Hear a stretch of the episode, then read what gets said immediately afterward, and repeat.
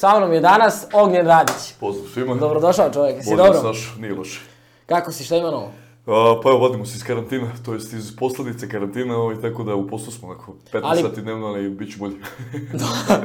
Dobro, ali pazi, kad smo se čuli i dogovarali za emisiju, uh, idem sa društvom za vikend, idemo ovako. Dobro, bili smo u karantinu. Malo si varao, ovaj, da, da. Bili smo u karantinu, ne mislim kao privatno se vadim iz posljedice, pa se poslovno se vadim iz posljedice karantina. Privatno Aha. nikad bolje nisam živeo, ovaj, da budem vrlo jasan. Ovaj, lepo sam spavao i jeo i, i provodio se, tako da ne želim se na karantin ja kao ja, ali poslovno ćemo da patimo par meseci. Šta se dešava? Aj, u stvari, ajde da napravim samo kratak uvod da te posto ja predstavim malo, pa ćeš onda ti da ispričaš svoju priču, koja je, ja sam slušao ono što sam ti rekao malo na YouTube-u, nisam htio mnogo da istražujem, zato što sam želeo da čujem iz prve ruke, jer imam tu čast, hvala Bogu. Čast. Ovaj, ne. ovaj, uh, osnovao si FitPass i sad je reč tvoja. Znaš šta mene zanima, u stvari, pre nego što krenemo, šalim se, naravno. Ali, uh, hoću da se vratiš pet dana pre nego što si osnovao FitPass. I da mi kažeš šta, ko, kako si mogao uveče da zaspiš, kako si, šta si, šta si razmišljao, šta si pričao Ajde se vratim mesec dana pre nego što Ajde. fitpass. Ovaj, radim za Rocket Internet u tom trenutku, čurica za Foodpandu. Sigurno donesi kom, kupujemo Mhm. u tom nekom periodu. A, dobijam opciju za unapređenje, ali i za preseljenje van zemlje. I u istom trenutku taj moj tadašnji partner koji je bio zadužen za drugi deo Evrope, ovaj, e, odlučujemo obojica da, da nećemo da se selimo za Berlin. A, nijedna druga njihova ponuda mi nije bila u tom trenutku atraktivna, opet ti kažem, bio sam dovoljno blesav sa 26, skoro sa 27 godina da, da rizikujem sve što imam i nemam, da, da probam nešto da krenem svoje. Tako da ovaj, mi dolazimo na ideju da, moj partner je Poljak, inače dolazimo na ideju da istražimo na kom nivou razvoja je Srbija u odnosu na Poljsku, to je koliko kaskamo odnosu na njih, došli smo do neke cifre od 11-12 godina razlike, Poljska već da, daleko odmakla ovim tranzicionim procesima i period, to period je prošao davno kod njih i oni su već sad na jednom velikom brzom rastu. Ovaj, izvlačimo 24 firme koje su osnovane otprilike u vreme kad je Srbija bila na istom raz, nivou, kad su oni bili na istom nivou razvoja kao Srbija u tom trenutku. I pokrećemo bar šutiranje, Beograđani će vjerojatno znati. Ovi šot barovi su vrlo popularni sad u zapadnoj Evropi, u Varšavi ih ima preko 280. Evo, to je posao koji danas isto radi u Beogradu šesta godina. I ubrzo posle toga krećemo sa otvaranjem Fitpassa. Nije baš bilo 5 dana, pošto već to trajalo, mislim, proces je trajao skoro mesec dana, ono što je tu bilo stvari najveći e, i, i, i, šok i sve ostalo što ja ostajem bez prihoda jer dajem otkaz, e, ostajem bez plate, u tom trenutku mi od nekih kolega iz firme i još nekih prijatelja e, pozajmljujemo 100.000 da, da otvorimo Fitpass. 100.000 evra. Eura, da, čisto da imate neki ovaj, odraz veličina, ja vozim auto od 700 evra u tom trenutku i ovaj, imam na računu možda 2000, tako da u isto vreme jurim i vizu za Ameriku da vozim kamion ako propadnemo da mogu da vratim te pare. Iako mi se svi ti ljudi su bili kao, evo vam pa ako propadne neće morati, ja ne, teško bih spavao da im to ne vratim. Ovaj, I to, to, to kreće.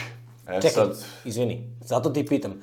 Pet dana sad, pre sad, nego što e, pa kreće. to, sad ti, sad ti dolazim do tih 5 dana, razlika između tog perioda i ovog sad je što sam ja ovaj, u tom trenutku i mlađi i, i usijana glava i, i vozi me taj neki ego, jer sam napravio ozbiljan posao u tom Rocket Internetu, obojica smo napravili na tom nekom onom, onom ocenjivanju i country menadžera i, i man, managing direktora koji smo mi bili, smo bili uvijek u topu jedne ogromne firme, Rocket Internet je najveće firme na svetu. Ove, pa malo nas je to sve ponelo i onda mi to uličimo ako grlom u jagode, što bi naši rekli. Iz današnjeg ugla sad, recimo sa 33 godine, ovaj, da li bih to opet uradio, ne bi. Evo sad čak ne pravim takve rizike, iako imam da vratim taj novac sad prvi sad. Ovaj, ali ne bih se sad, recimo, sigurno o, prevario da, da uletimo tako nešto. Tako da je bio tu skup faktora i, i njega i mene zajedno kao ekipe koja je to u tom trenutku odlučila nešto proba e, i te neke poslovne klime koje u Srbiji bila dobra i, i svih tih nekih efekta prethodnog posla gde smo mi stvarno odradili dobar posao a, i onda sve to kad se skupilo i godina, naravno mladih, sve to kad se skupilo, ovaj, mi smo se odlučili za tako eto neko, da nazovem idiotariju, jer ovo, to normalno čovjek ne radi, pogotovo ne u ovoj zemlji. Ovaj, I eto, to je, da kažem, tih pet dana. Iskreno, pre pet dana pred otvaranjem mi nije bila trema. Nije mi bila trema ni prve dve nedelje otvaranja, krenulo je posle treće nedelje kad smo ostali bez para, jer sve te planove koje napravite, isplanirate, pa onda treba dodati 20-30% na to, sve to zvuči na papiru super, ali onda treba da se proda taj proizvod. I onda tu ima ta ona zanimljiva anegdota, to uvijek pričam kad sam u mojim intervjuima, da mi u četvrtak odlučujemo da zatvorimo, a u ponedjeljak nas zove direktor jedne velike firme Beogradske, da nam javi da je zaboravio, da nam javi da je potpisao ugovor i da će leći uplata. U ponedjeljak nama leže uplata i sad sve ostalo je ono, da nazovem, da kažem, istorija. Evo, stižemo do preko 600 partnera, kompanija partnera u Srbiji i sad već šeste zemlje i sedme koje otvaramo i, i ne znam, ono već skoro stoji nešto zaposlenih i, i raznih nekih drugih brojki, milionskih prometa, dakle, da kucam u drvo, ovo je dobro, dobro na kraju prošlo. Tako da to Kaži mi kad si, pošto sada hoću malo da otvorimo priču, jer Fit Pass, kada kažeš, ono pomisliš, wow, strava, ja sam to zamišljao kao da, kada nisam znao da, da ti radiš to, i ja sam to zamišljao da to vodi neka strana firma, neka gomila nekih ljudi, jer to treba organizovati, ubaciti te mašine u teretane, u sportske centre. Kaži mi, u, u najvećem haosu, kada se, recimo, ne znam, posle, vi ste 2014 Uh, recimo, nakon tri godine od 2014. kada si haotičan dan, ti verovatno bio posao, odgovori, sastanci, ovo, ono, kaži mi kako je, kako je izgledalo, koliko je stresno, u stvari, raditi sve to? Pa, iskreno da budem, mnogo je stresnije prvi godinu dana nego treća četvrta. Sad je već, sad je već to neka rutina. Ono što, što si mi ti sad pitao na osnovu, kao to izgleda kao neka mašinerija, e, brand je obično e, oslikavanje osobe koje gore, koja formira firmu prema, prema sebi, uglavnom. Prema ja, čemu si ti formirao firmu? Pa, to je to, prema sebi. Mi smo napravili brend koji je pre svega ozbiljan, s druge strane smo dovoljno otvoreni i, i šaljivi da možemo da priđemo i mlađoj ekipi. Mislim, kao ja, evo sad neko sedi gleda tamo, gledajući ovaj intervju, kao, pa Bogu, ovo je napravio pare. Mislim, ja ne ostavljam utisak na prvi pogled da, da išta, ono kao da ne znam, stotine ljudi radi za mene, a opet napravio sam ozbiljan posao, mogu da priđem i, i ozbiljnim ljudima, ali i ostao sam na nivou tog Novog Beograda, odakle sam, onog druženja, e, piva na klupi i tih nekih stvari. I to je bilo moja ono inicijalna ideja kakav brend hoću da napravim. Znači, ne nešto što je usko onako povezano nekim ono, brand linijama, da moramo, ne smemo da se povezujemo s određenim ljudima i tako dalje. Nama su, evo videli ste sa Cobijem, smo snimili ovu poslednju reklamu koja je bila hit, pre toga sa mi krijem, uh, vrlo smo otvoreni za saradnje bilo kakve, ono, sa Negujmo ili ne, ne znam bilo šta, mislim, bez ikakvih problema ću napraviti kampanju i sa njima. Jer ne, ne mislim da, da, da neko ko se bavi sportom, zdravim životom i tako dalje, treba da sebe učauri u, u, u, u neku konzervativnost. Jer nismo mi telekomunikacijona kompanija ili nešto tako, mi smo nešto što je veselo, što je dobro, što je zdravo i što treba da bude otvoreno. Tako da je meni fokus od prvog dana bio da je korisnik najbitnija stavka. Vrlo malo ljudi, vjerojatno ćete naći koji su nezadovoljni sa nama, što može se vidi po komentarima na mrežama, jer mi se stvarno trudimo da mu svima izađemo u susret i, i da sve, i ako ima problema, padne na naša leđa, da se prelomi preko nas. Ovo, a s druge strane napravili smo jedan dopadljiv i ovaj brend koji s druge strane vrlo profesionalan i sa svojim nastupom i svime ostalim. A, zašto je stresnije prve godine? Vi kad krećete i otvarate neku novu firmu, recimo to je kardinalna greška koju sam ja napravio u tom trenutku, E sad, možda nije ni greška, jer nisam imao drugu, drugu mogućnost, morao sam to da odradim tako, ali najveći greška većine ljudi koji kreću što, što ne uzimaju uh, uh, ljude sa visokim platama. Znači, vi štedite na svim mogućim stvarima. Uh, ja sam recimo imao, što ja zovem te superstarove, samo momka koji je radio sistem, znači programera, ono, ono uh, tehničkog CTO, tehničkog direktora, sve ostalo su bili klinci koje sam ja polako spremao. I onda se najviše prelomi tu na vašim leđima, dok ne dođete do, do, do, do finansijske situacije da možete platite zveri. Jer onda meni došla ta gospođa iz Telenora koja nam je uzela da nam vodi prodaju, skinula mi 50% posla sa leđa, dolaze neki drugi ljudi, danas ja imam u svakom skoro, u svakom delu firme imam po jednog ili dva ili više superstarova, ono ljudi koji imaju visoke plate, ali da ja više ne moram da brinem o, o tom delu posla. Tako da iskreno budem, od druga, treća godina su bile možda najlaganiji deo i period uh, u firmi.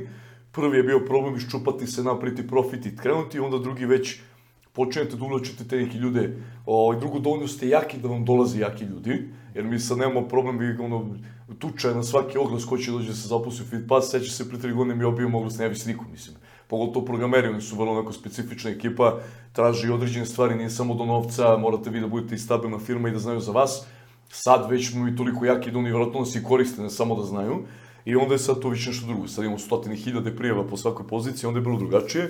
I imali smo onda sad, ne znam, tu problematiku koja je meni bila stresnija, otvaranje Italije, otvaranje Turske i tako neke stvari koje su nam pojele ogroman deo resursa i financije i svega ostalog, ali opet koji su s druge strane bili neophodni da bismo došli do prve runde ovo, investicija, jer jednostavno investitori bez zapadne Evrope vrlo teško ovaj, žele uopšte da se mešaju u, u bilo koji posao. Tako smo i manje više na silu se ubacivali u Evropsku uniju i, i Tursku i Italiju. To je naravno sve prošlo super, hvala Bogu, ovaj, Uh, i to, to smo se izvukli kako treba i među vremena smo mi prodali Tursku i Italiju, zaradili novac tu, kad smo shvatili da nam one više ne trebaju i da previše to previše para ima, mislim, krenuti sa milion u Srbiji, krenuti sa milion u, u, Istanbulu, ne u Tursku, u Istanbulu je različit posao mnogo. Ovaj, I to je sve prošlo dobro, tako da, eto, sem tih otvaranja novih zemalja, ne bih ništa u posljednje vreme shvatio ko, ko, ko neki preveliki stres. U poređenju sa tih prvih godinu i po dve, ovo sad sve je mače igra. Smešno je, mislim, gledati iz ove perspektive. Drugo, ja sam izreliji i sposobniji, znam kako neke stvari se rade i lakše se borim sa tim stresom, ali svakako mislim da je prva godina uvek najveći pakao, da onda ovo posle sve samo šlag na tortu i dolaze neke lepše vremena. A kaži mi sada, dok pričaš i pomenuo si kontraverznost i da postoje ljudi koji su zatvoreni, od kad si ti ovakav? Pa od uvijek, mislim, ovo je sve kao ono ublažena verzija. Znači nisi priča stidljiv, pa... Ne, ne, ne, od uvijek sam ovakav, nego sad, sad, sad u stvari radim suprotno s svojim mojim i, tim starim i, i, i gospodom i gospođima ovaj, koji su mi mentori. Ovaj, uglavnom sad u poslednjih dve, tri godine radim na, na, na ovoj mojoj i gestikulaciji i, i oblačenju i svim tim nekim stvarima koje mene nisu bili svojstvene ovaj, od starta jer ulazim u neke, da kažem, i krupnije igre i, i priče da više o, malo, malo se previše prodoran E, za, za, za svačiji ukus na prvu loptu. Tako da sad u posljednje vreme, ja mislim sad se dosta savladavam onako i sa, mm -hmm. sa pokretima ruku i svime. O, u posljednje vreme dosta sa mentorima radim na, na promeni toga da se stvari smijerim i da, da, da u stvari prilagodim ceo tvoj, svoj pristup sa ovaj, tim nekim drugim situacijama koje, koje se sad dešavaju.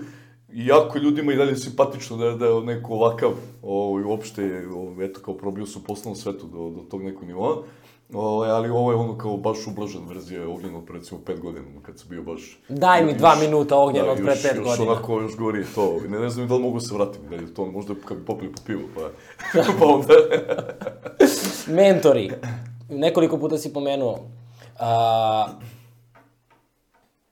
ok, stvorio si firmu, deluje kad pričaš kao da ti se to desilo, eto izvukli smo se, eto uspeli smo, uh, št, nije ti se desilo ja verujem da si svestan da ti se nije desilo. Ali reci mi, u, u kojoj fazi si shvatio i rekao, ok, moram da spustim ego, imam mentora, ima ljudi koji su, koji znaju više od mene i od kojih mogu da naučim. Ka, kako se to pa, pa srećom sam to, ovaj, srećom sam to imao od starta. Ono što je bilo dobro, recimo, kod mene i mog partnera, on je, on je Poljak iz, isto, ne, isto relativno, neću kažem siromašne porodice, ali nije iz okruženja koji ima novca.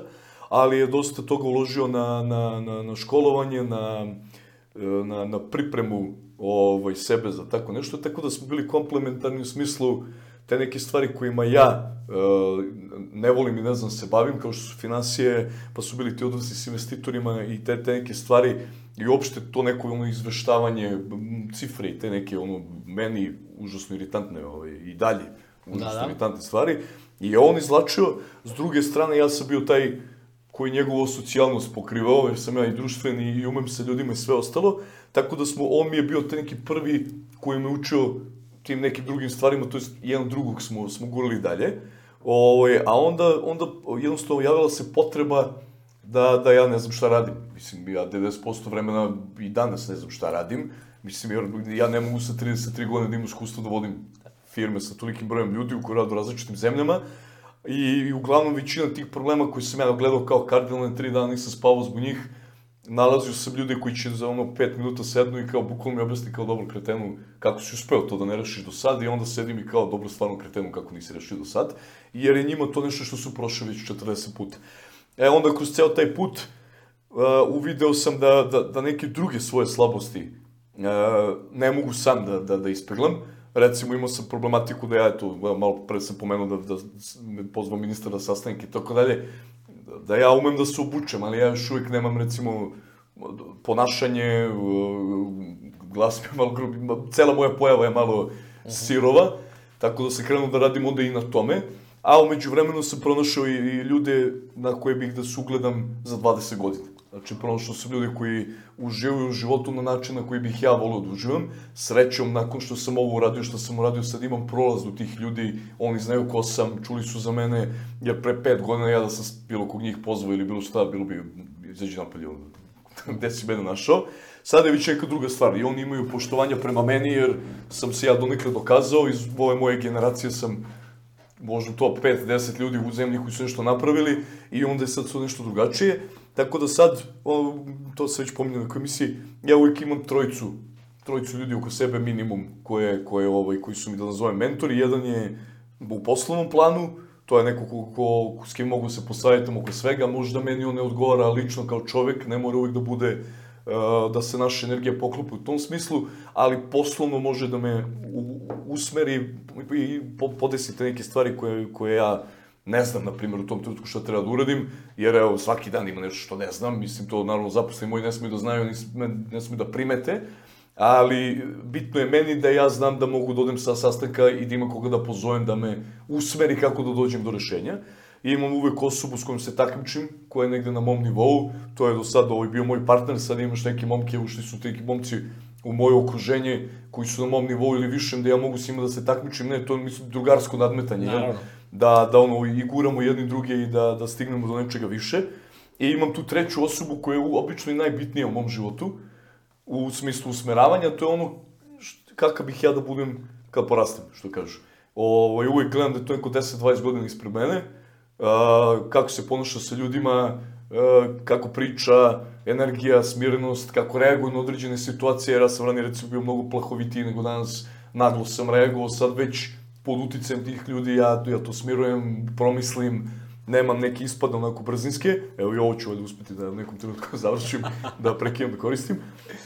Ovaj, tako da uvijek imamo to troje. Sad, to troje može na svakoj poziciji da bude po dvoje i petro ljudi, pa da bude ukupno desetoro, ali to su tri neko, da, da kažem, pozicije koje je meni neophodno da su mi svakom trenutku ispunjene, da bih ja osetio da, da, da mogu da guram dalje. Šta je tebe tačno izdvojilo, rekao si, jedan u pet ili deset top u svojoj generaciji? verovatno gore dole. Pa sad mi izdvojilo, tad da kažem, ono, uspešnost poslovna. Ne, ne mislim, Ali šta, te, šta je nisam tebe? ja wunderkid, ne, ne, ne, nisam Aha. mislio u tom smislu, ja sam kao top za moju generaciju, što sam pametniji, lepši ili bilo što od drugih, nisam. Ovo, ovaj, samo uspeo sam... Kako? Pa, iskreno da budem, meni, po meni formula mog uspeha, ne mogu sada da se mhm. ograničim na sve. Ja nemam zanat, znači ja nemam zanat u rukama, ja se, ja sam bavio različitim veštinama, bio i prodavac i, mar i marketingu se bavio i, i, i pokušao da programiram, pravi se pametan. O, ja nemam, nemam konkretan zanat u ruci, ja samo u svemu znam po nešto. I sve vreme u svim oblastima dovoljno se obrazujem i pratim trendove da svaka moj odsek u firmi E, ne gleda u tutubana kompletnog, nego nekoga koji u toku s time što se radi, ja možda neću moći to isprogramiram, ali vrlo dobro znam šta tehnologija u tom trenutku može da uradi, ili koje su najnovije tehnike marketinga za određene stvari, ili u prodaji, jer prodaja moja nekako ono glavna ovaj, grana uvijek bila. E, I mislim da, da vam se celokupan uspeh nekoga privatnika, 70% zavisi od harizme, znači kakav je sa ljudima, ja mogu da pročitam u svakom trenutku šta nekome treba pitanje da li će odreagovati, da li će imati strpljenja da odreagujem tako kako njemu treba, ali ja u 99% slučajeva znam šta je to što on želi da ja kažem ili uradim u tom trenutku. 20% vam je hrabrost, to jest da ste blesavi, preću to tako da definišem, jer sad nemam tu hrabrost više, recimo sad ne ulazim u ovakve e, nenormalne rizike, duše nemam ni potrebe, pa kao i to je drugo, i 10% je sreće. 10% sreće ima onako dosta veliki ovaj, utjecaj na sve to.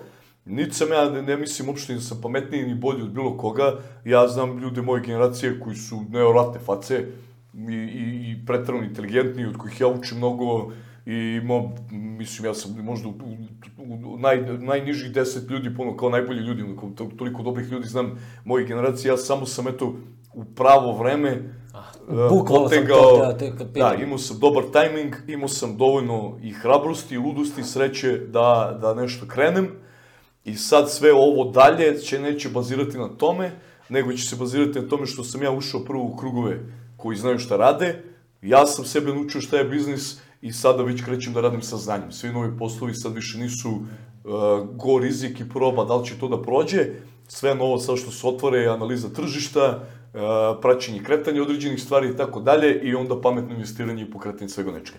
Tako da nisam, ovaj, nisam ništa ni bolji ni pametniji, samo sam možda e, mnogo više radio i mnogo više učio nego, nego većina ovaj, mojih, jer ja i danas provodim bar sad dva uh, unapređujući određene stvari, čitajući poslovne knjige ili već istražujući ovaj, šta šta novo bismo mogli da ubacimo, iako to nije moj posao davno, evo, juče sam izbacio novu ideju za marketing i tako da, iako to više nisam, nije nešto čime se ja bavim, ali ovaj, to, da kažem, ajde, možda me to odvaja od ostalih, samo sam mnogo više radio nego, nego svi drugi. Jel to od uvek? Jesi u srednjoj školi obećavao? Obećavao sam u osnovi, sam bio i, i u Mensiju, Arhimedesu, i, i Vukovac, i Wunder Kid i sve živo, a I malo onda pre je- kažeš nisi Wunder Kid, Pa ne, ne, ne, bio sam tad, tad sam ono obećavao, onda je došlo srednje, onda je sve krenulo nizbrdo, onda sam bio ono nedovolj, Devojke. nedovoljan na polugodištu, izlačio se jedva na ovaj, na kraju godine i to ono šarm isto nije bilo pretrano. Nije meni učenje nikad bilo problem, ovaj, i to mi išlo sve, samo jednostavno u nekom trenutku ja, ja, ja kad izgubim interesovanje za nešto, ne mogu da se nateram da, da se time bavim. A onda je došao fakultet koji, evo, ma- ubit će me majka, ovaj sad ako bude slušala, koji sam upisao da me ne bi davili što nisam na fakultetu. Među vremenu se krenuo već da otvorio sam pri, prvu privatnu firmu, tada još klinac, o, otišao iz Ameriku sa, sa 20 godina, 21, ovaj, vratio se pa se ispisao s tog fakulteta, upisao drugi da bi opet kupio sebi vreme da me ne dave kući što ne studiram. Ovaj, među vremenu otvorio još dve firme, krenuo se radim s nekim klubovima, uzeo klubu rentu, i krenulo je jedno za drugim. Tako da ovaj, onda, je, onda je to krenulo na drugu stranu, tako da daleko od toga sam bio ovaj, koklinac kao i, i, i, da sa mnom moje detinstvo proživjeti je bilo ono svaka čast mojim roditeljima šta su sve ponosili, da me ovaj, i, i, i, i, i juri policija zbog tuče i svega ostalog, mislim kako svi smo bili klinici na Novom Beogradu, je to bilo takvo odrastanje, tukla se škola sa školom i bilo je tu 300 čuda nekih ovaj, različitih. Ovaj, tako da sve, sve živo što su mogli da prođu samo pro- prošli su. O, ali, eto, na kraju, na kraju se ono sve dođe na svoje. Mislim, i bilo i drugo vreme. Ovo, ovo što sam ja napravio pre 10 godina nije moglo se uradi u Srbiji. Sigurno, danas može opet, pre 15 tek nije moglo. Tako da ono svako vreme nosi nešto svoje. U trenutku kad, je, kad se otvorila mogućnost da ja mogu da, da krenem sa nečim privatnim, da su ovo malo otvorili tržište, da je ušte neki novac, da je u zemlju i sve to, onda su se ovi, da kažem ti, neki moji afiniteti ka nečemu drugom i mogli da se dese, a uopšte i, i, i dobio sam mogućnost, mislim, jer do sad, do tad je bilo nešto drugo, mislim, tad se radilo, eto, to što sitno, kao uzme se klub, uzme se kafić, pa kao snalazimo se, ovo, je bilo i teško vreme i sve, i Tako da, okej, mislim, nije ni daleko od toga, ni, nisam bio ni student za primer, ni ništa drugo, nisam fakultet, nisam ni završio, kao, ni, da, ni jedno i ne? drugi, ne, ostalo mi je, ne znam, 7-8 ispita, završim oba, ali ni, nikad, i ovaj, to moja majka mi nikad neće oprostiti, ovaj, ali evo, rekao sam dana kada osjetim da mi treba, tog dana ću da odem i da položim svih 8 ispita, bez ikakvih problema. Ali eto, taj dan još nije došao. Kaži mi odakle, do, dobro, kaži mi odakle dolazi to samopouzdanje koje, prosto, volao bi sada svi koji slušaju ovo, žao mi što niste ovde u sobi, mislim da ću u studiju, mislim da ću morati da napravim uskoro negde, da ću imati publiku da ljudi skapiraju sa kakvim ja ljudima pričam. A, odakle, odakle to samopouzdanje? Pa gdje sad ljudi tu prave, da prave, ljudi malo prave tu grešku sa motivacijom, sa samopouzdanjem i sa s tim stvarima. A, uspeh nije ni, ni samopouzdanje motivacija. Znači, nije, možda ja sad ovde izgledam a, ubedljivo i pametno, zašto pričam o stvarima koje sam prošao i već sam uradio. Da me neko u tom trenutku pitao, evo recimo prošle godine kad mi krećemo da pregovaramo o prodaji firme, gde sam ja pod tolikim stresom da ono štitna žlezda otkazuje, ono kad završam kolekara i 300 čuda, znači niko od nas nije stena i niko od nas nije uh, be, bezosećajno ono, ono, ono, kamen i svi mi kući ovaj, sedimo i razmišljamo o nekim stvarima, ja, ja vrlo otvoren ću budem ono, Super. svaki vikend sam bio pijen da bi preživao taj period, recimo prodaje firme i tako dalje, i svako se bori na svoj način ovaj, sa tim stresom i time. E, formula nije, nije lažno samopouzdanje, jer ja, ja i dalje ne znam većinu vremena šta pričam, evo skoro sam imao situaciju da se upoznajem sa čovekom koga ja znam iz priča, igrom, igrom slučaja je otac mog prijatelja, I, i, i do, dolazim u situaciju da ga upoznam, ja, ja stresem, mislim, tresem se dok odlazim da sedem s čovjekom i ako odlazim da ga zamolim da mi bude neko ko, evo, mogu ga nazvati budućim mentorom, nadam se da ćemo stići do tog nivoa, da me posavite u životnim stvarima, jer ja divim mu se, znam ko je on, i, i dalje sam imao problem šta god ja uradio pre toga, ja i dalje nisam ono neko ko će sad izleti kao sad sam ne znam šta. To je, to je, to je neka lažna, lažna, ovaj, lažno samopoznanje i to to. Tako da, formula svega ovoga je, motivacija će da vas vuče neko vreme, samopoznanje može da vas vuče neko vreme, ali disciplina će da vas progura kroz sve. E, disciplina da ustanete svaki dan u 8, da ste u 9 na poslu, da ostajete do 9 uveče i onda da dođete kući da pročitate još nešto da biste sledeći dan bili jači nego taj dan. E, to je ono što je izvuklo sve ove godine kod mene. I to je ono što ja sad popuštam pomalo i sve pomalo popuštam već dosta, evo sad me nećete uhvatiti pre 11 da sam išao iz kuće, nemam više potrebe da budem toliko samodisciplinovan, jer prvo u firmi me ne traže toliko i ne moram ja to budem, ali u slučaju da sad evo sad dođe nova firma, ja ću ponovo sebe prešaltati na određen stil života koji ja moram da imam da bih to izvukao. Znači, disciplina je ono što je formula svakog uspeha, morate da radite više od drugih, morate da učite više od drugih, i morate sebe da postavite u određene čaure, da ne biste dolazili u situaciju uh, padate, u stvari, stvari padnete kada tri dana ne odradite to što ste disciplinovano do tada radili. I onda to sve pada drugo. Jer uh, kakve god promene ja imam u poslovnom smislu, dok god ja ustajem u 8 i sebe sam istanirao da taj dan radim 12 sati, ja tu promenu neću osetiti toliko jako. Jer motivacija će mi pasti, neće mi to biti, pa će mi samopouzdanje, sve će to da se uništi, jer je to emotivno stanje. Disciplina nije emotivno stanje, disciplina je nešto što, što vas istreniralo i meni tu mogu pomogu i sport kojima sam se bavio godinama i ono, od malih nogu i tako dalje. Ono, vojnički, bukvalno, vojnička disciplina, nije to za džabe, ne postoji to za džabe, znači kad sebe uspete da dovedete u stanje da vi sebe gurate određenim navikama, onda ni motivacija ni samopouzdanje više nemaju nikakvog smisla, nema potrebe da se ostanete njih. Jer ono, to je kao kad jurite devojku, mislim, tri dana, peti put vas odbije, i okej, okay, nemate više motivacije za tim, mislim, možda su oni, ono, vidite vas nije odbilo namerno, gubite motivaciju, disciplina je nešto skroz drugo. Idete i gazite šta god da se dešava iza i, i ne razmišljate uopšte da, da, da sutra to možda, možda pukne, jer vaše da sutra opet ustanete u 8 i da odidete svoj deo posla lavovski i to je to. Jel to da, zahtevaš to je... i od tvojih uh, saradnika? A, ne, ne, ne, ne Kakav mogu, si ne kao mogu, šef? uh, ne, ne, nemam, uh, ne mogu ja očekujem svih ljudi da su isti. Znači, pri preduzetnički put je jedno, a, neko ko radi za platu je drugo. Znači, moji ljudi imaju fleksibilno radno vreme, a, broj dana odmora koliki oni hoće, kancelari su vrlo opuštene, od skoro, sad se selimo, ali skoro smo imali i roštine na terasi i, i ležaljke i stoni futbal i šta god im padne na pamet. Nisam uopšte s te strane ovaj, e, e, zahtevan. Ono što ja ne volim to je nerad, i, i neodgovornost. Ako je nešto rečeno će biti u ponedjeljak, nek bude u ponedjeljak, nisam ti ja zadao ponedjeljak, ali mi reci koji dan će bude tu i to je ono što ja zahtevam u njih. Znači, to je neka tačnost, e, odgovornost prema svom delu posla i proaktivnost u smislu da žele da to bude nešto dobro. Sve ostalo uslove od mene će da dobiju, nemam s time ovaj nikakav problem, ali nisam, nisam ovaj, imao ono primere dosta direktor u, u Beogradu koji ovaj, ono, imaju kolegijum u pol osam ujutru i tako nešto, jer kao pokušavaju tako nabiju neki autoritet. Ja sa svima mojima sam pre podna poslu uveče na pivu, mislim, ti team buildinzi su dva puta mesečno i to je ono, druženje do, do maksimuma, ono, kafane i tako dalje, ali svi oni vrlo dobro znaju da ujutru je to posao i koliko god mi sad bili možda u klinču preko dana, jer sve što nismo pogodili nešto, 5-6 kad smo završili, ja ću bez ikakvih problema otići da, da se družimo i da, da zajedno uživamo, ne pominjući posao.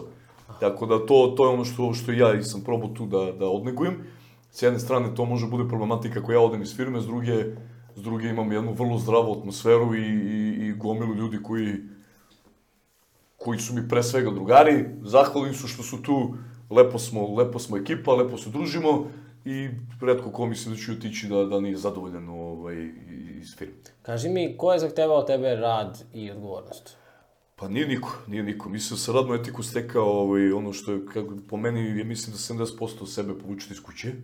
Zato ti pitam, Da, koje te- vrednosti si delio? To mi je Pa ličilo kao... nikad, nikad nisam bio pritiskan. Nikad, recimo, i taj sport, eh, niko mene nije terao da idem njega, ono, bio, mo- moj otac iz Lovina pročito kako sam bio na takmičenju, na primjer. I meni to recimo odgovara, ja sam ta, taj tip, ne, ne trebam nikome visi nad glavom, ako me ta stvar dovoljno interesuje. I mislim da tih 70% moje ličnosti je izvučeno odatle. Te one kosiće časti, principa, uh, odnosa prema ljudima, uh, te neke osnovne crte karaktera su iz kuće, sigurno od oca i majke. To Ovaj, je jedna vrednost koju bi izvukao sada. Pa da mi najbitniji obraz. To je ono što je meni ceo život bilo, ono kao šta god bilo, šta god se desilo, nećete naći čoveka u ovom gradu da, koji će reći je on je mene prevario. I, I šta god bilo, kakav god problem imali, tu sam, ajde rešimo da vidimo šta je, nikad neću preću, preko tuđih leđa preći da, da bi meni bilo bolje ili prodati nekog mog zbog, ovaj, zbog toga, tako da taj obraz i lojalnost su i meni dan danas ovaj, glavni, glavni aduti bilo koje osobe koju poznajem svašta ću da ti oprostim ako vidim da si, da si dobar s te strane, da si lojalan, da si častan čovek, mnogi druge ono, tvoje mane i, i, i nedostatke ću vrlo lako da, da zaborim da ih uopšte ima. O, tako da i ja i moji zaposleni uglavnom sam tako birao, i, ono, i ljudi izlazi iz različitih i, i, i situacija su mi dolazili iz sredina i, i, i, i sa dosijejima i svašta, ali ako ja vidim da iza toga stoji častan čovjek koji znam da me neće sutra prevariti ovaj, za, za nešto sitno, o, meni je to ono glavno. Što se tiče radne etike, to je i od oca i od majke, mislim, ja ih gledam ih ceo život, kako ustaju ujutru i to ustaju ujutru i kad kad možda to ne donosi plodove kakve trebalo, prošli smo i, i inflaciju i, i ratove i sve živo, i da vidim da i dalje neko radi toliko i bori se, onda to jednostavno uđe i onda preslika se na sve. E sad, to što ja neke stvari sam ovaj, otaljavao kao fakultet i tako dalje, i dalje imam problem da, da tu svoju etiku usmerim na stvari koje me ne interesuju. O, naravno da kroz posao se bavi gomilo stvari koje, koje mora, čovek ni ne želi, ali mora, ali opet to ide ka nekom višem cilju. Ovo, ali stvari koje ja ne vidim da će mi na kraju doneti nik, nešto, ne, recimo za tu nemam nikakvu, ovaj, vrlo loš odnos imam prema tim stvarima i baš ih ono odraditi samo koliko moram, ali 70% mislim da svake osobe dođe iz kuće, a 30 je ono kako je odrastao, kakve su mu životne situacije i uopšte koliko godina ima. Jer ja nisam isti čovjek kako sam bio pre pet, a kamoli kako sam bio pre deset i mislim da ću biti mnogo bolji čovjek za pet. Pogotovo sad sa ovim ljudima s kojima imam kontakt, radim i uopšte gledam njih ovaj, kakvi su, zato i biram da budu neke kakve bi ja volio da budu. Pre 10 godina da sedimo ti i ja, šta bi mi rekao? Pa pre 10 godina ne znam, ono, pre 10 godina sam bio onako vrlo usijana glava, ono, tek pa- sam vratio iz Amerike, radio obezbeđenje, glumio kretena, ovaj, o, ne znam. Ne, Jesi mislio da sve znaš? Ne, nisam, nisam ja nikad bio takav, ali ono, tad, tad je neke druge stvari su bile kao, ovaj, i, mislim, ono, kao Novi Beograd, i onda isticali smo se nekim drugim stvarima, sad kao ti da budeš baja, pa da budeš, mislim, to su bile neka druga vremena, kao glumiš nekog kretena, ti se kao što si opasan i to, i većina moje ove generacije tako i odrasla, mislim, ono, isto, ne, ne kažem sad, ne generalizujem za ceo Beograd, ali mislim, Novi Beograd, Zemun, uvijek je to tako izgledalo i onda eto, usijene glave koje što jurcaju okolo, prave se pametni, i vreme je bilo teško, nije bilo novca u zemlji, sve je to bilo onako, ovaj, uh, malo drugačije, ali ovaj, ne, ne znam da li bih ti mnogo nešto pametno rekao, ali ajde kažem, recimo 23. četvrta su mi bile prelomne godine, godine kad sam baš stisao i krenuo da menjam iz korena sve Šta to. se desilo tada? Pa, jednu trutku sam shvatio da, da više neće ići ovako, jer već sam ovako... Mislim, ja, meni je bilo dobro, nije, nije, mi ništa falilo, onako, bilo je dobro, ali, ali bilo je vreme da se krene sa karijerom, bilo je vreme da krenem da se bavim nekim ozbiljnim stvarima koji mi definitivno su drastično manje para donosile. Tad sam se zaposlio prvi put u nekoj relativno ozbiljnoj firmi, radio za, ne znam, 27.000, to je bilo, ne znam, 6-7 puta manje nego što sam ja mogao ovako da, da napravim klubu i kafići i sve to čime sam, što sam radio usput ali jednostavno osetio sam valjda to s godinama ide malo se zreliji, da, da je vreme da, da pustiš tu neku stranu života, da se skloniš od tih nekih ljudi, da bi mogu ti da ideš dalje. Jednostavno osetio sam da to više nije, ne ispunjava me, nisam to više ja, novac mi nikad nije bio neki motivator veliki, o, uvijek sam gu- gurao nekim, zbog nekih drugih stvari, Šta? I ovaj, pa, ja pričao sam i prošli put, evo, ja imam tri, tri cilje u životu. E, prvi je bio da kupim mojima kuću, drugi da ih penzionišem i treći je da moja deca budu normalna. I evo, nadam se da ću sledeći mesec da odradim drugi, ja treći za 18 godina, 19, vidjet ću kada ću ženu, tako da to je pitanje. Da. Ovaj, prvi sam odradio, kupio sam tu kuću prošle godine.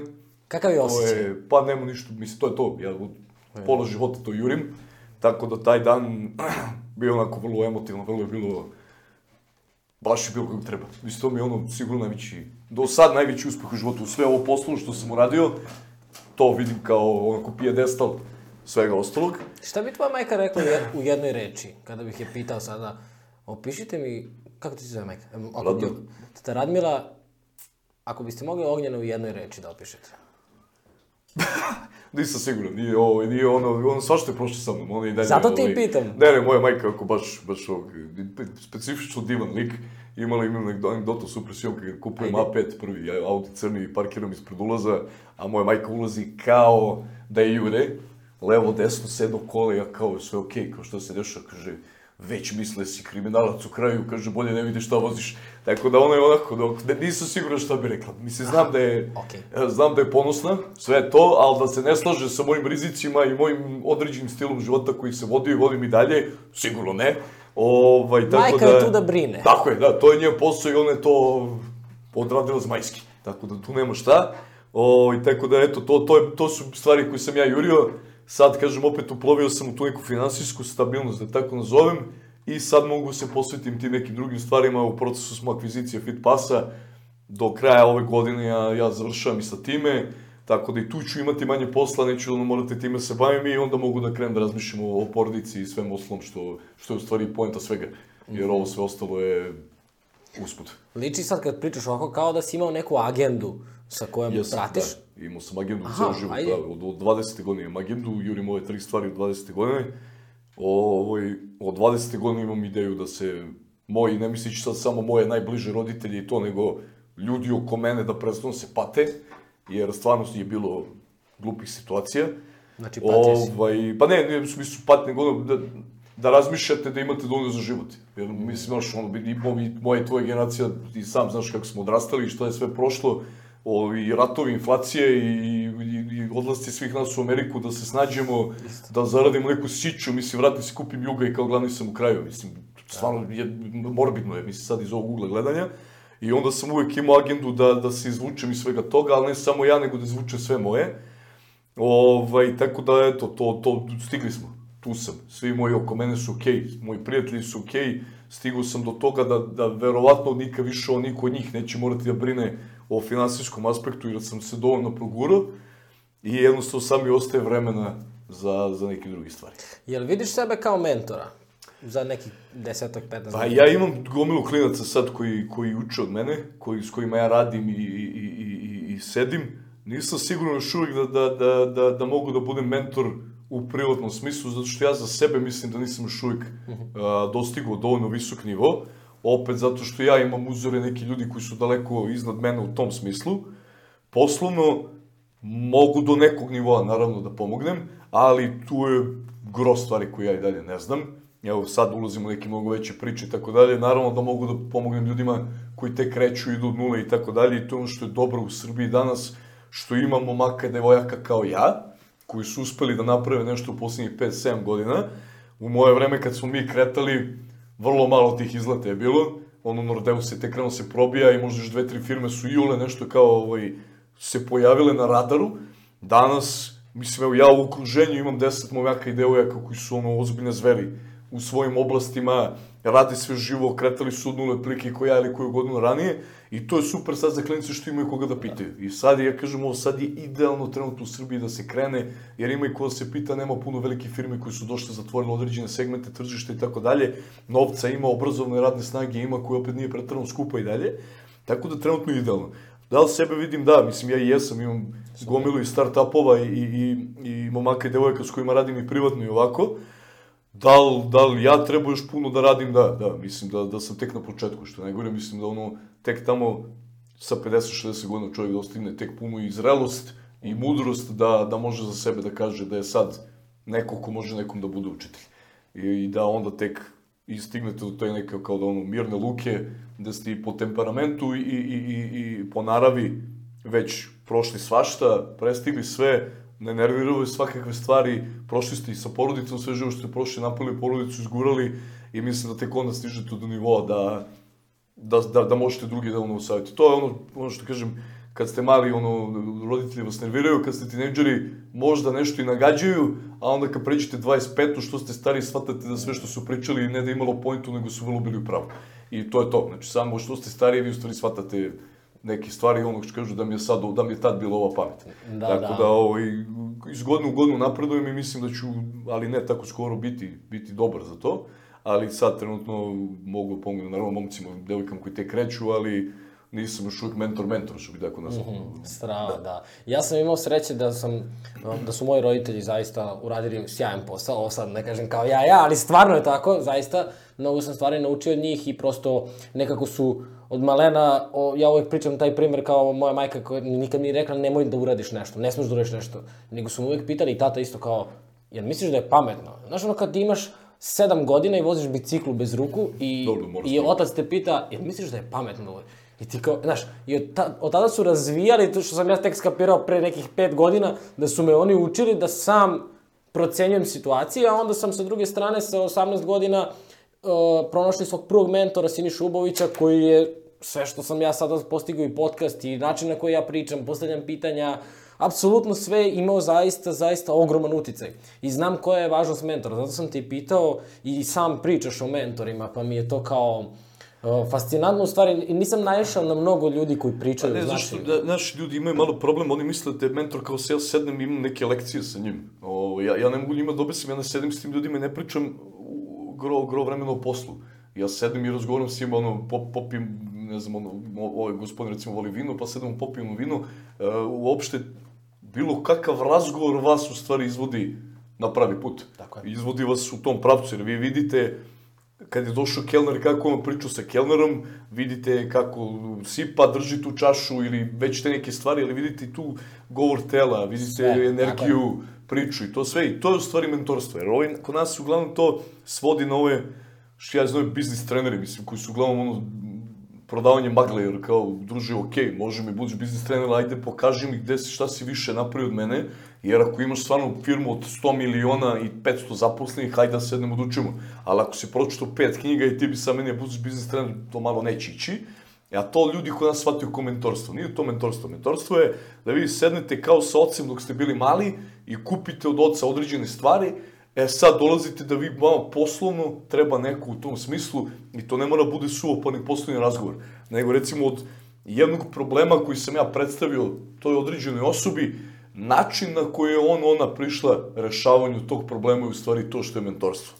Da vi promenite na, način razmišljanja kako ćete da se pobijete s određenim problemom, znači da to ne bude kao kod mene da ja sam odmah ono kao, o bože šta radim, znovim se i tako dalje, nego evo kod mene recimo to promena da je to bio jedan staložen pristup sa različitih strana, savjetovanje s određenim ljudima, koga treba da pozovem i kada, stručak je za određene stvari i tako dalje, dok sam ja recimo kad sam sve ovo kretali, mislio sam ja ono skroz samo tome i bio sam ja i nisam imao kog stručaka tada pozovem, bilo nešto drugo, ali sad imam s kim da se posavetujem i to je ono što je mentorstvo. I druga stvar, to je i, širenje tog kruga ljudi uh, koji može da vam pomogne. Jer svaki taj čovjek može da se uputi na još petoro Tako je. i onda vama u stvari taj networking, da ga nazovem, ovo je rastavan krug ljudi od kojih možete čujete savjete i da, da, da napredujete. Malo pre kad si pričao, samo ću se vratiti na samopouzdanje i kad si rekao, to izgleda što pričam o onome što znam. I to je, jeste koren, samopouzdanje, znanje, što je fenomenalno, a što se tiče motivacije, to je nešto skoro, ne znam da sam, nisam ti ja čak ni rekao, ne znam da si video, da sam napisao tri knjige. Dobro. I ovaj sad pišem četvrtu, koja je u stvari, ajde možda dobiš odmah na poklon ovu, ali moraš da imaš na umu da je ovo napisano 2000, pa 2014. nakon poplave. Meni je to bilo, pošto ovde gde ti ja sedimo, to je bilo pod vodom sve, znaš. I ovo je ostalo zaista, uh, ova knjiga u stvari taj, taj moj pogled na svet, jer u ovoj sobi ovde, bukvalno smo na dušeku spavali, moji roditelji i ja i moje kuće, tada koja imala 16 godina. I bukvalno sam sedao i pisao knjigu i bukvalno sam znao, sad sam rekao šest puta bukvalno, ali bukvalno, sam znao da će biti objavljena, a nikog nisam znao ko objavljuje knjige, kako se objavljuje knjiga, da to treba platiš, da oni tebi plate, kako to je, znaš kao, kako ide do knjižara, da li ja nosim, da li ja prodajem. Ali sam pisao, za, za, zašto? Zato što sam imao zaista potrebu da kažem i kad je najgore i kad si na dnu i kada izgubiš sve, znaš, Nije tako crno. kad sretneš, sad ću dati primer koji je težak, ali uh, sretneš osobu koja je preživjela rak, ne generalizujem, ali samo kažem, ako, ja mi smo imali skoro u šetnji, uh, sam sreo jednu ženu koja, koja je cvet sada, koja je cveta. I bukvalno, ti, znaš ono, ja prilazim sa nekom dozom kočnice, žaljenja, znaš, imala je težak period, ali ona je se promenila Jasno, i da, da, potpuno da, drugačije to je vidi skoro sebe, da. me razumeš? E, tako isto i sa tim nekim teškim stvarima kad udariš, ti, ti se samo pametiš na neki način. Ovaj, aj potpisat ću ti posle. Ali ima na umu, kažem ti da sam je napisao pre šest godina, ali bit će mi drago da čujem tvoje mišljenje, Dobro. pogotovo što si, šta si sve uradio. Ovo je neka knjiga kako sam ja doživljavao uspeh. Da se vratim na ono što sam počeo ti pričam, u stvari za motivaciju, jer ja sam nekako u tom trenutku zamišljao, jo, fenomenalno, life coaching, sigurno si čuo. Ovo što ti ja sada radimo je neki klasičan primjer da ja postavljam pitanje i istražujem tebe. Ali, ono što je meni zanimljivo jeste da sam shvatio da u stvari motivacija zavisi mnogo od životne energije. I ako si ti tu downu, ako nemaš životnu energiju, ne postoji to što će tebi biti motivacija u tom trenutku. Pa ne, to je ovo što si rekao, life coaching je sad idealna situacija za to. Ja nisam tip čoveka kome treba life coach. I, i ja ne padam, ja kao ja ne padam baš zbog toga što sam vrlo disciplinovan. Ali ja razumem da određeni ljudi se iz određenih situacija vade razgovorom. Jer recimo ovi i psihijatrija i psihologija, sve je to okej. Ja recimo mislim da je vrlo podcenjeno kod nas odlazak u psihijatra i slično. Ja lično ne idem, jer nemam potrebu za razgovorom, ja nisam taj lik, ja sam ne, ne zatvoren čovjek, ja ću ti sve reći, nemam problem s time, ali nisam neko ko mora da dođe kući i onda se s nekim razgovara o tome što mu se desilo u tom danu, jer ja za time nemam potrebe, radije bih da me ostavite na miru ako sam u problemu, da ja odigram Sony ili nešto, da se ja sklonim od toga i da sam razmislim, ovo, eto i onda tebi ne da igraš, jel? ne da mi da kupim Sony. E, pa eto, to je to.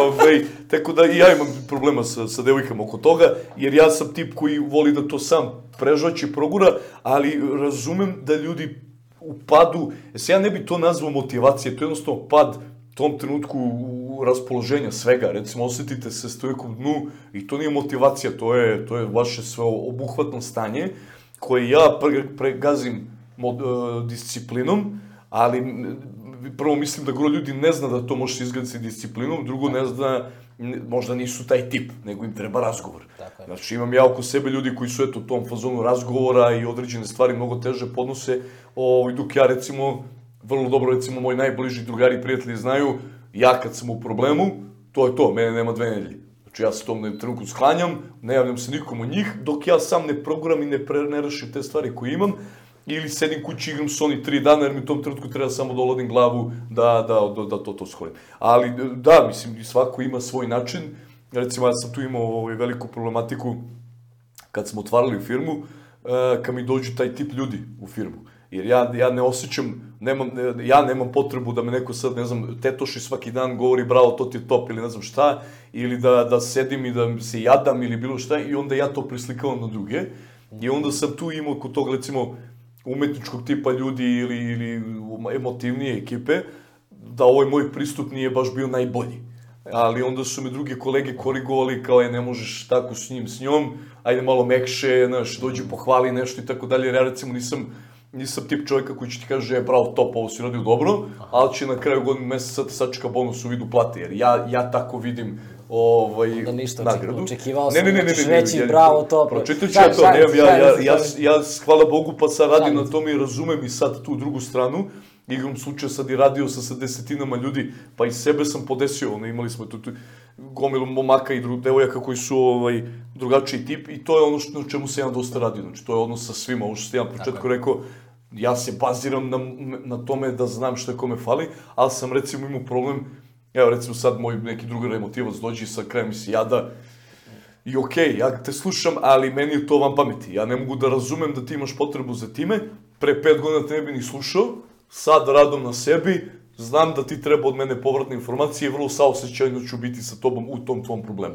Tako da to ono na čemu ja u stvari sad najviše i, i radim. Ali sad me samo ovo malo zbunilo i super mi što mogu da te pitam, a to je, meni deluješ kao da si jako emotivan. Jesam, vrlo, ali ne, nemam, e, ne, ne, imam drugačiji vid pokazivanja toga. Znaš, nemam, e, ne, neću ići okolo izljubljivati ljubavi, volim ti i tako dalje, grliti ti i tako dalje, ali recimo svi moji znaju da sam tu. Pet ujutru, šest ujutru, šta god ti treba, e, idi prodaj kola, treba mi, ja ću odmah prodam kola bez da te pitam zašto ti treba. I to je ono što je meni bitno. E sad, određen broj ljudi treba vremena da shvate kako ja funkcionišem i šta je to.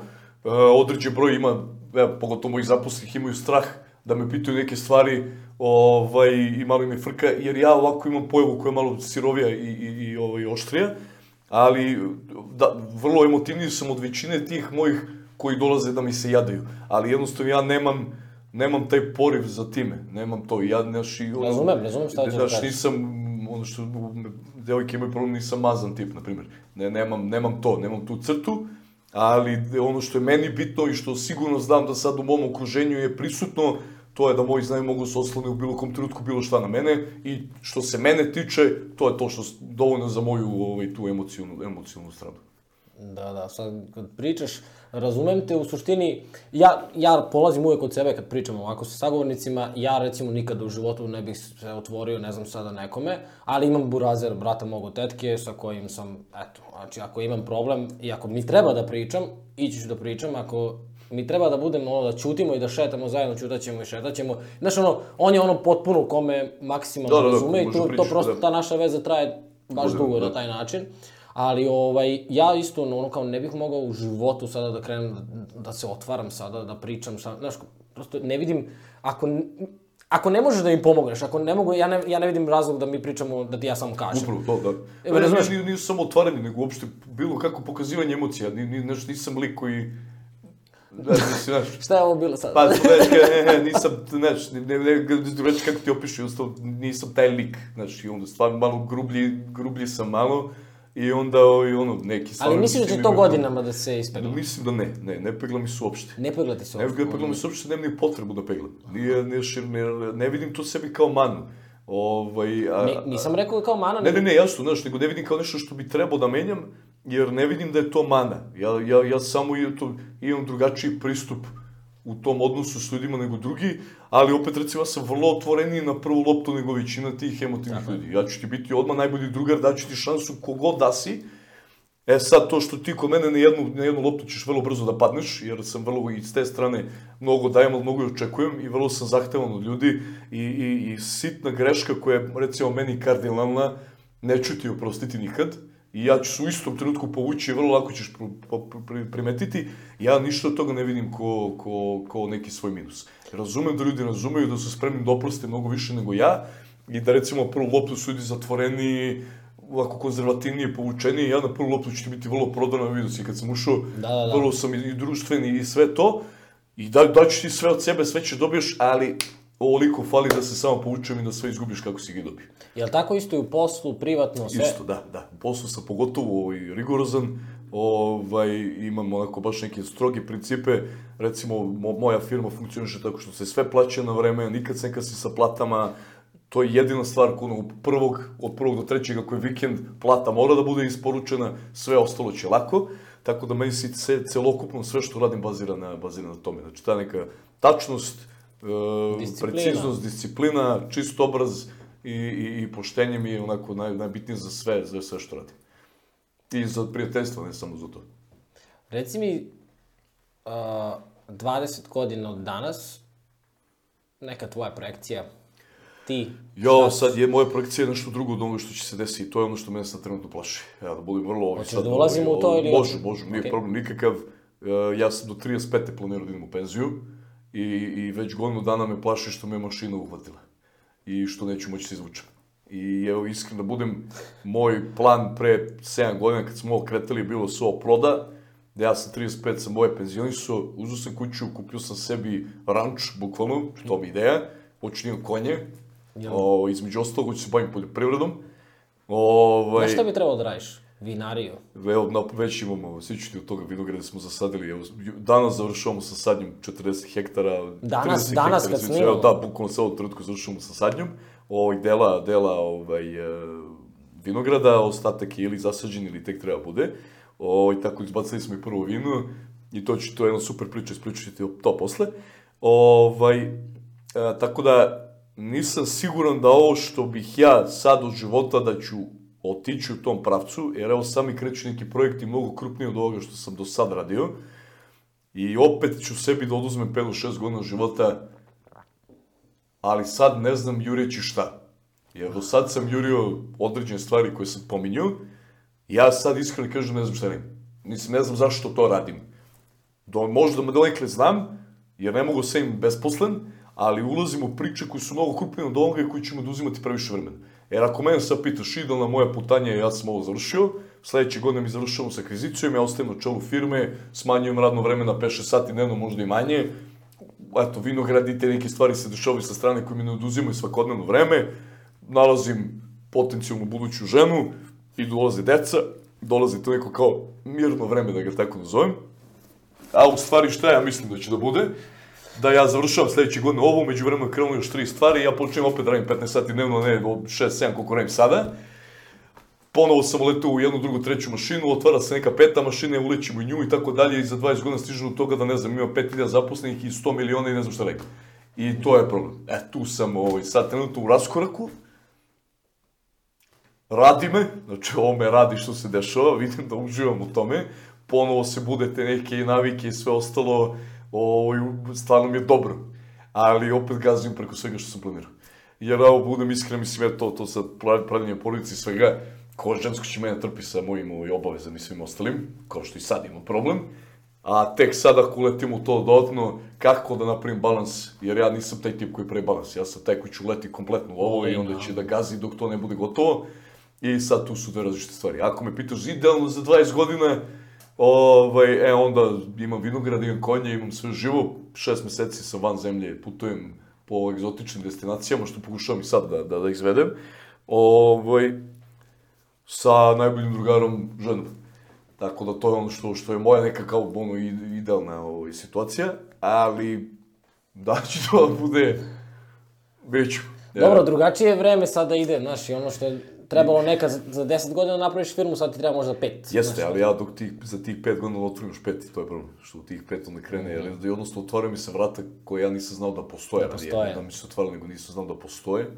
Ovo, ovaj, evo i sad ovi pro, projekti koji se otvaraju, to su neke stvari s nekim ljudima koji se dešavaju daleko iza kulisa, koje ja nisam ranije imao pristup, ali sad jednostavno, znači ovo malo pre što rekao, dolazim do toga da, da, da držim govor i da me direktno ministar određeni zove posle govora na razgovor je bio u publici.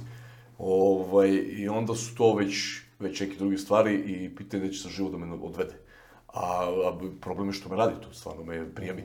Nije kao sad ja to na silu nešto, nego stvarno jedva čekam da krene jedno po jedno, jer ono, ko malo dete sam opet sreće, to se nije desilo, evo, bit ću vrlo iskreno, u Fitpassu se nije desilo već godinu i po dana, jer je već poslalo dosta rutina. Već odrađujem stvari na, da onako... Automat. Određujem ko, ko bot, ovaj, tako da sad opet mi se i motivacija i te neke stvari mi se pokreću ponovo, ovaj, koje sam mislio da sam ih ubio, da su gotove i da je sad vreme za nešto drugo, ali očigledno da nisu. Tako da vidit ćemo ko zna šta će bude za pet, kamo li za 20. da, da. Ajde neki savjet mi daj za, pošto uglavnom ljudi koji slušaju ovo su mladi i oni koji se tako osjećaju, moram to da kažem, naučio sam, da sam rekao to pogrešno.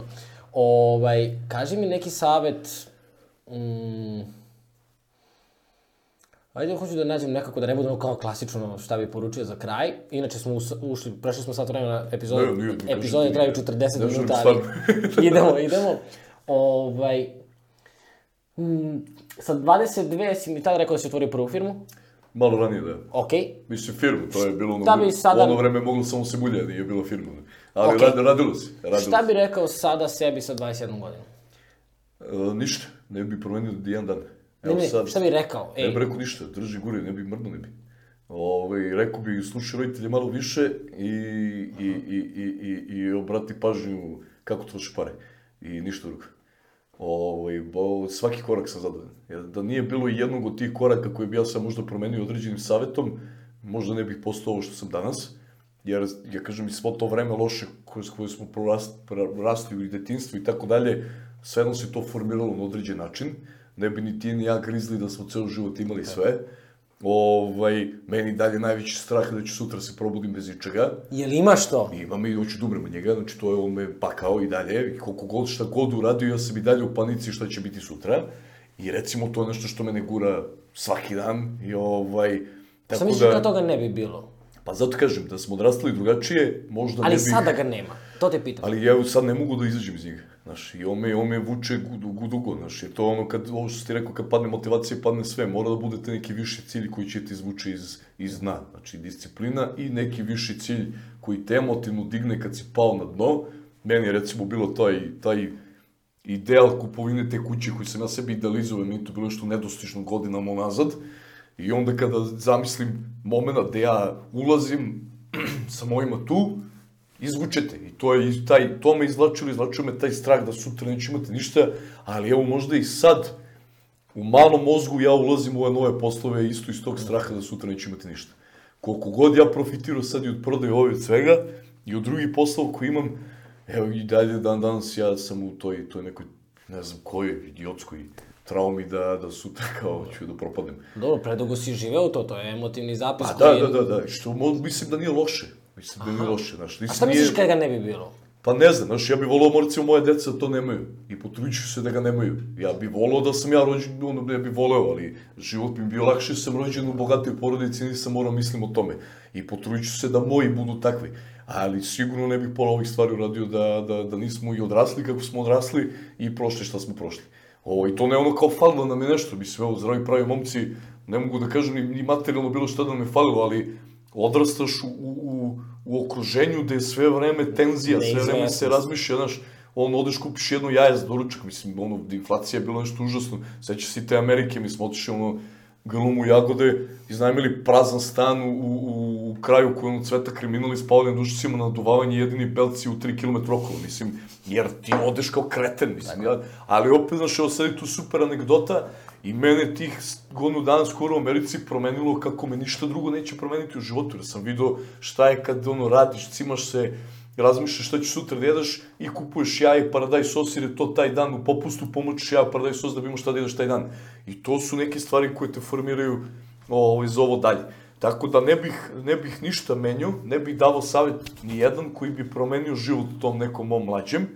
Savjet za klince danas je prvo da razmisle, ako ih hoće u privatni posao, da li su za to, da li su spremni za neverovatnu količinu stresa koja dolazi, jer koliko god sad ovo super izgledalo, ja kao dolazim dobrim kolima i ovde sve što pravim se pametno priču, nešto pametno, ja i dalje dolazim kući ili nervozan ili iznerviran, ne znam šta je, pomenuo sam tu štitnu žlezdu dok otišla prošle godine i tako dalje.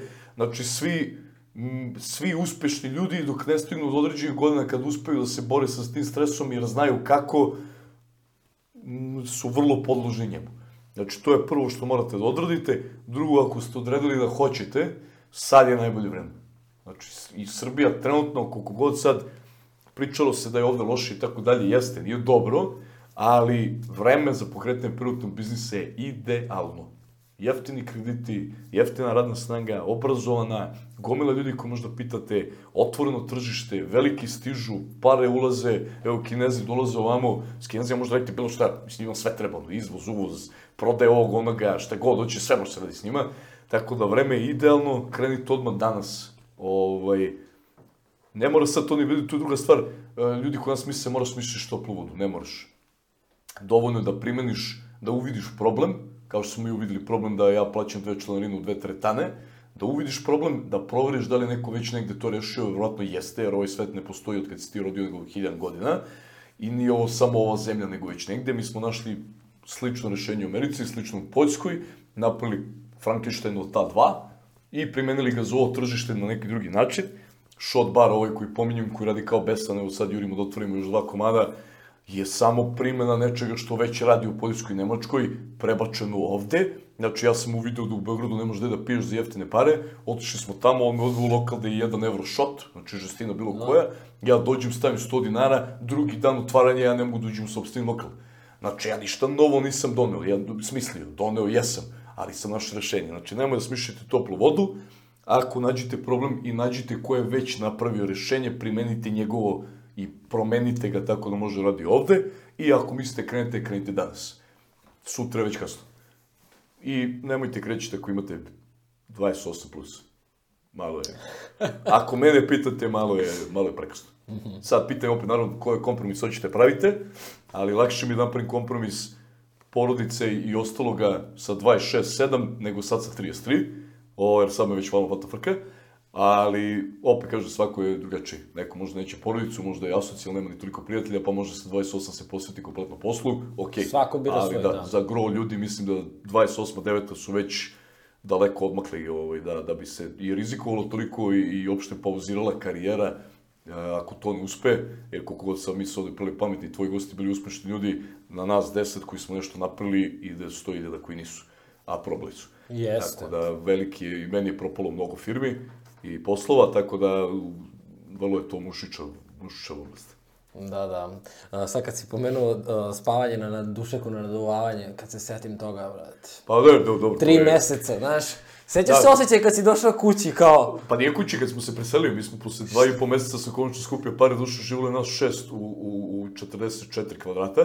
O, I to je bilo jedna soba u stvari u 44 kvadrata, tako smo i dalje bili neki na dušicama na gledovanju, ali smo imali tjedan bračni, pa smo se menjali na smenu.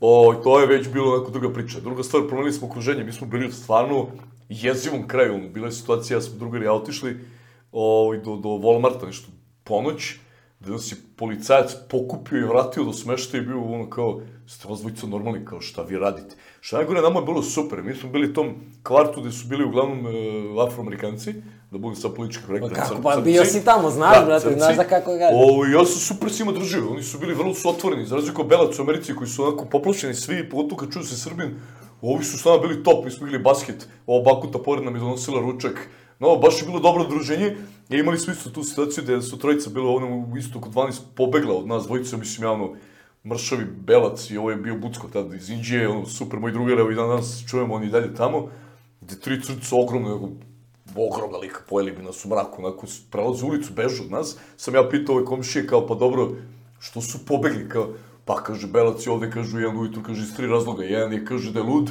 onda bežiš, kaže, drugi je pandur, bežiš, treći došao te ubije, opet bežiš, kaže. Tako da bilo je to, bilo je, sve to ima svoje, znaš, super je to bio provod, Da, je bio da. super. Naravno, vremenom smo mi to napredovali i seli se dolu u South Beach, Miami je, ja i dalje garantujem Miami je ono jedan top 5 gradova na svetu, ono, i za provod i za život. Tako da bilo je dobro, ali eto, treba, treba sve to proći, mislim, eto, ti je. imaš to sećanje, sve to, ja sam dolazio, priča, spominjao si u Brenovac, mi smo dolazili ovde i da, da vadimo te ljude i čamcima i svašta tu bilo, ali opet formirate, sve te to formira, no, i te Naravno. teške situacije te mnogo više formiraju nego, nego da ti je sve sjajno i bajno. Tako da ne, ne bunim se ništa, sve to... Jedna od lekcija koju sad zapisujem je upravo to kao ako i i dalje imaš utisak da se zbog nečega kaješ ili da nešto nije trebalo da se dogodi i dalje nisi shvatio priču. Upravo, Jer te da. to sve... Da, sve te formiralo sve mnogo više formiralo. nego dobro, da. Baš svakako. to. A, ovo je definitivno bio razgovor kao sa nekim ko nije sa naših prostora i impresioniran sam više nego što sam očekivao. Radujem se da pričamo za nekoliko godina ponovo, možda čak i za dve godine kada se desi to što, što, što radiš i što praviš. A, mnogo sam srećan što sam te upoznao i mnogo sam srećan što ćemo pustiti ovu tvoju autentičnu priču ljudima. Jedva čekam. Hvala ti puno. Hvala tebi na pozivu. Hvala vam što ste pratili još jednu epizodu podcasta Da, ti to možeš. Ukoliko želite da podržite mene i podcast, to možete učiniti putem Paypala ili putem Patreona. Linkovi se nalaze ispod. A mi se vidimo sledeće nedelje sa novom pričom, novim gostom i novom inspiracijom.